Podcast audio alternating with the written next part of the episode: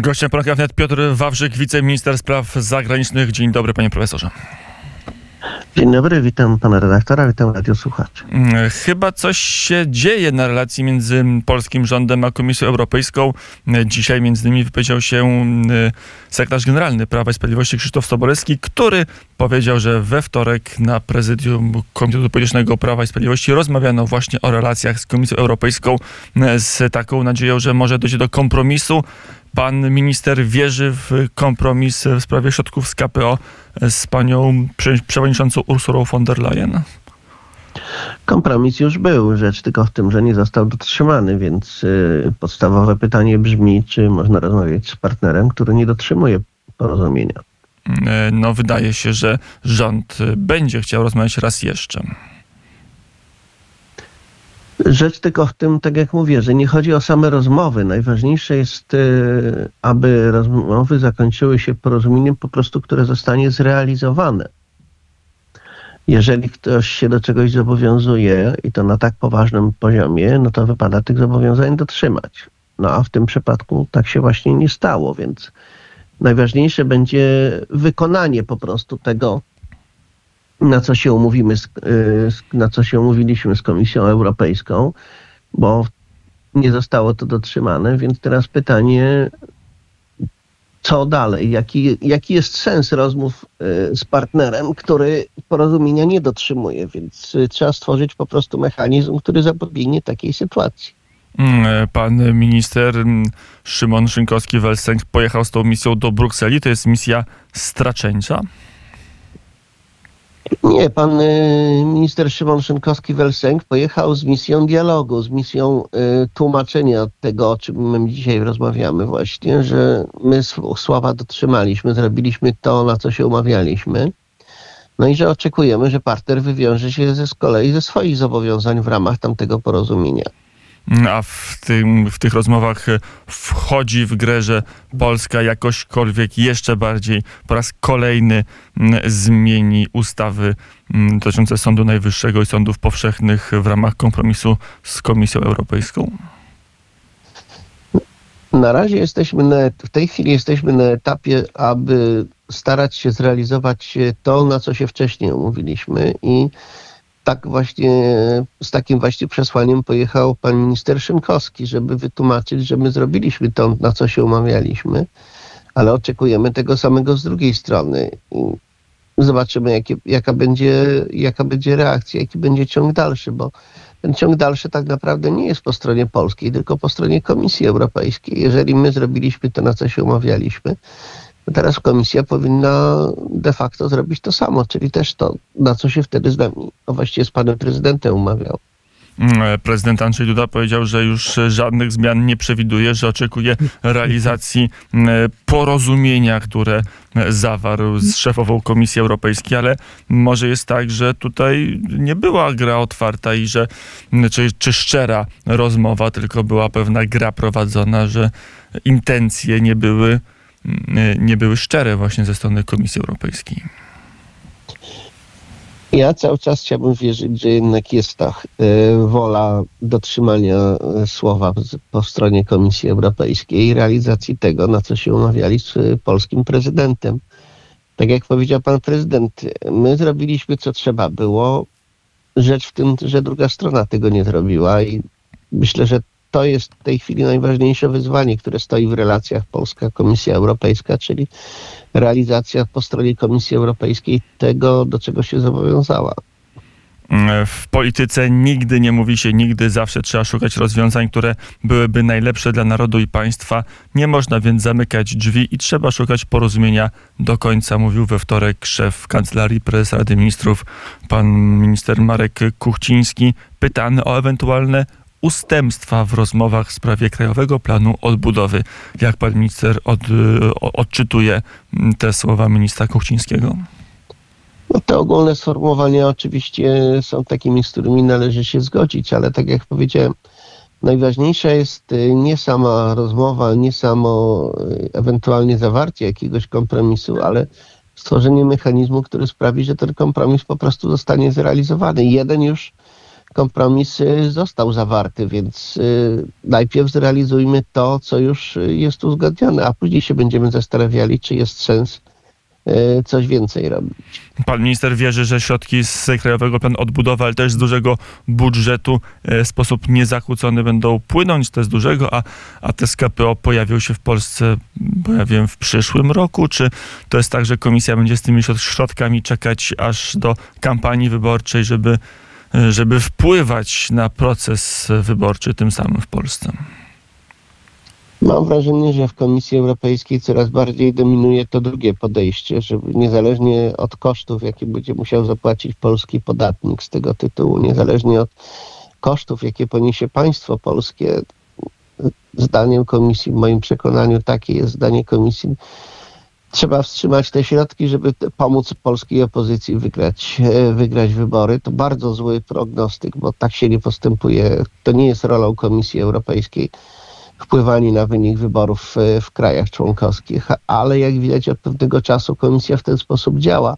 Przykład już mieliśmy najbardziej jaskrawy, to oczywiście te próba ingerencji, to bardzo brutalna, taka no, wykraczająca daleko poza mandat e, reakcja kom- e, przewodniczącej Komisji Europejskiej na wybory we Włoszech.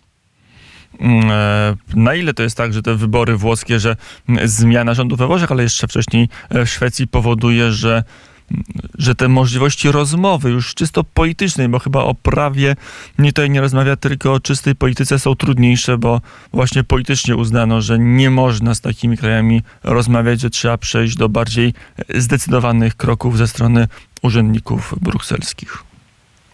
No i to jest największy problem, bo nie chodzi o przecież y, kraje, które są wrogie wobec Unii, tylko kraje członkowskie. A skoro tak, to niech y, obywatele wybierają kogo chcą, a nie komisja decyduje, y, decyduje o tym, na kogo oni powinni głosować, y, a na kogo nie. Były też inne propozycje przez jakiś czas. Taką drogę wskazywał chociażby były pełnomocnik Rzeczpospolitej przed y, To jest tak, żeby właśnie do TSUE pozwać komisję za niewypłacanie środków. Myślę, że żadne działanie nie jest wykluczone. Będziemy, roz, będziemy się zastanawiali, jakie dalsze kroki podjąć, ale na razie, tak jak y, o- tym mówiliśmy na wstępie, próbujemy wytłumaczyć komisji, że my się wywiązaliśmy ze swoich zobowiązań. Zobaczymy, jaka będzie reakcja ze strony Komisji Europejskiej. No ale z drugiej strony wydaje się, że to starał się wytłumaczyć przez wiele miesięcy, żeby nie powiedzieć lat. Pan minister Konrad Szymański, dlaczego miałoby się udać to samo zadanie z tymi samymi ludźmi mm, panu ministrowi Szynkowskiemu-Welsenkowi? Mam nadzieję, że się uda. A jakie inne atuty ma pan minister e, Szynkowski, których nie miał pan minister Szymański?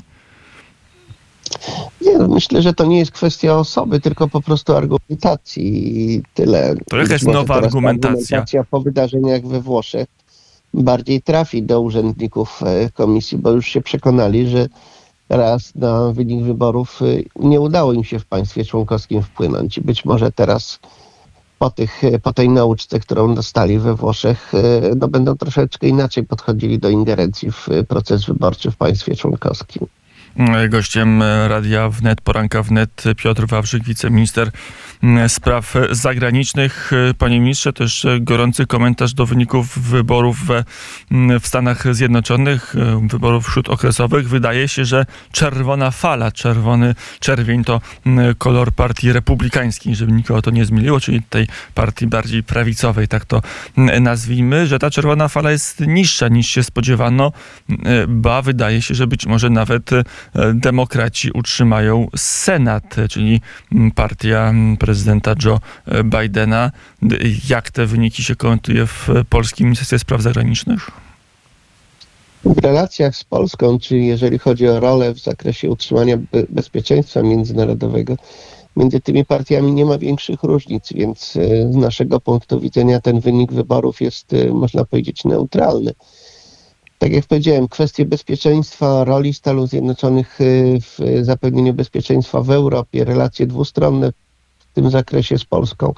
No i oczywiście to, co się dzieje na Ukrainie, to są dla nas najważniejsze wyznaczniki polityki amerykańskiej, a wygląda na to, że w tym zakresie niewiele się zmieni. Mm, będzie po staremu, bo i też prezydent będzie cały czas ten sam, a to on w dużej mierze czy w sposób decydujący wpływa na politykę zagraniczną mm, Stanów Zjednoczonych. No ale czy Prawo i Sprawiedliwości jednak formacji konserwatywnej nie byłoby łatwiej rozmawiać i o sprawach polityki obronnościowej, ale także innych dziedzinach jak polityka energetyczna z przedstawicielami republikanów?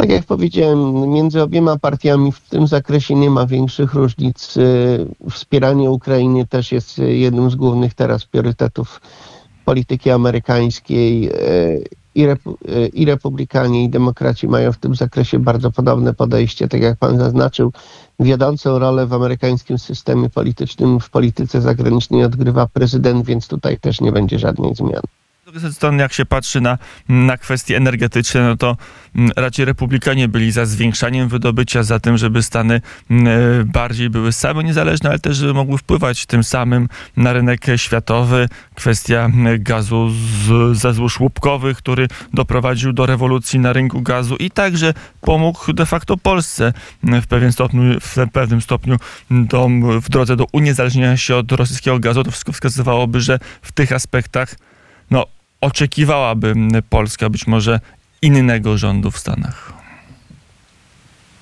W Stanach nie ma, formalnie rzecz biorąc, w Stanach nie ma rządu w sensie no. takim europejskim, że tak powiem, ale jeżeli chodzi o podejście do tych kwestii, to w tej chwili już nie ma takich różnic. Mm, panie ministrze, to jeszcze wróćmy na chwilę do, ale czemu nie jedno, polityce amerykańskiej, bo trochę niespodziewanie pojawił się temat restytucji mienia pożydowskiego w Polsce. To sekretarz stanu aktualny podniósł tą kwestię. Myśli pan minister, że ona znowu będzie bardzo silnie obecna na, w relacjach polsko-amerykańskich? To jest kwestia, która z punktu widzenia bieżących problemów, jakie mamy w zakresie bezpieczeństwa, naprawdę nie należy w tej chwili do ważnych. Mm, chociaż no, została wywołana i do tego jeszcze, żeby była jasność, sekretarz stanu powiedział, że to Polska ma najwięcej do zrobienia. Również na ten temat, e, również na ten temat były wypowiedzi i reakcje z naszej strony na słowa pana sekretarza Blinkena i myślę, że to zamyka temat. Mm, to też zamknijmy ten temat e, w naszej rozmowie. Panie ministrze, jeszcze temat związany z, z polską polityką, jeżeli chodzi o kwestie europejskie. Komisja Europejska cały czas nie chce się zgodzić na wypłatę pomocy dla Ukrainy. Chodzi o 3 miliardy euro w skali budżetu unijnego, w skali siły finansowej Unii Europejskiej. Kwota nie jest jakoś bardzo powalająca. Nie wiem, czy to jest prawda, czy pan minister to potwierdzi, ale media donoszą, że to Berlin blokuje konsekwentnie wypłatę, czy, czy, to, czy tą transzę pomocową dla Kijowa? W kwestii relacji z Ukrainą, pomocy dla Ukrainy, rzeczywiście Niemcy są tym krajem, który najmniej chcą angażować Unię Europejską i najmniej sami się chcą angażować. To bardzo źle, bo to oznacza faktycznie, że e, działają po stronie Rosji, bo każdy, kto w tej chwili blokuje jakiekolwiek działania pomagające Ukrainie, de facto działa na korzyść Rosji, a nie taka jest rola państw, e, największego państwa europejskiego, żeby de facto stawać po stronie, e, po stronie tego, kto atakuje inny kraj. E, to jest jakaś celowa polityka, czy jaka jest logika, zdaniem pana ministra Olafa Scholza, ale nie tylko, bo to jest kontynuacja de facto polityki Angeli Merkel, żeby, żeby blokować tą kwotę. Znaczy, narażają się na duży, na e, odium społeczne, a jednocześnie to robią. Pytanie, dlaczego?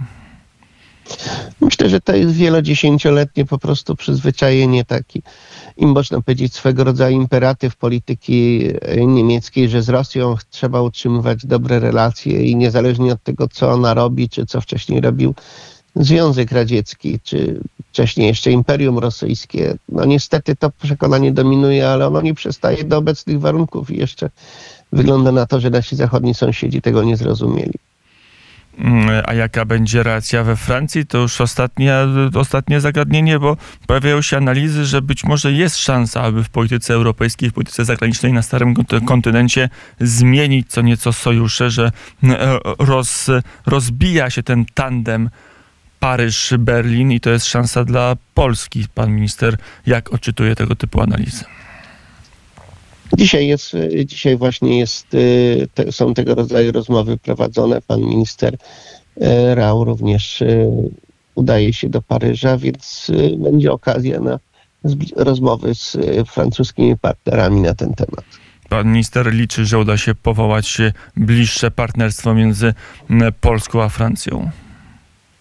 Historycznie rzecz ujmując, bardzo blisko nam do, bliskiej do współpracy z Francją, bo przecież to jest tradycyjnie jeden z najbliższych polskich partnerów w Europie, więc y, może czas wrócić do tych czasów. Mm, jaki będzie, e, jak, jaki, jaki będzie grunt tego porozumienia? Jakie są pola tematyczne, gdzie, m, czy, czy zakresy działań, gdzie, gdzie to zbliżenie może mieć e, realne efekty?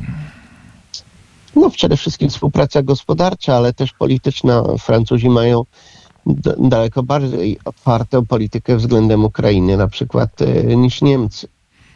A w kwestii sporu Warszawy z Komisją Europejską wierzy pan minister, że, że Paryż pod przewodnictwem Manuela Macrona może stać się polskim sojusznikiem w sporze z Komisją Europejską? To jest oczywiście kwestia, kwestia argumentacji, tak jak powiedziałem, tak samo jak minister Szynkowski y, rozmawia na ten temat w Brukseli, tak samo my musimy rozmawiać na ten temat w stolicach państw europejskich, pokazując, że zrobiliśmy to, to, to, to co do nas należało i oczekujemy teraz na dotrzymanie zobowiązań po drugiej stronie. Mm, Powiedział profesor Piotr Wawrzyk, wiceminister spraw zagranicznych. Panie ministrze, dziękuję bardzo za rozmowę. Dziękuję również.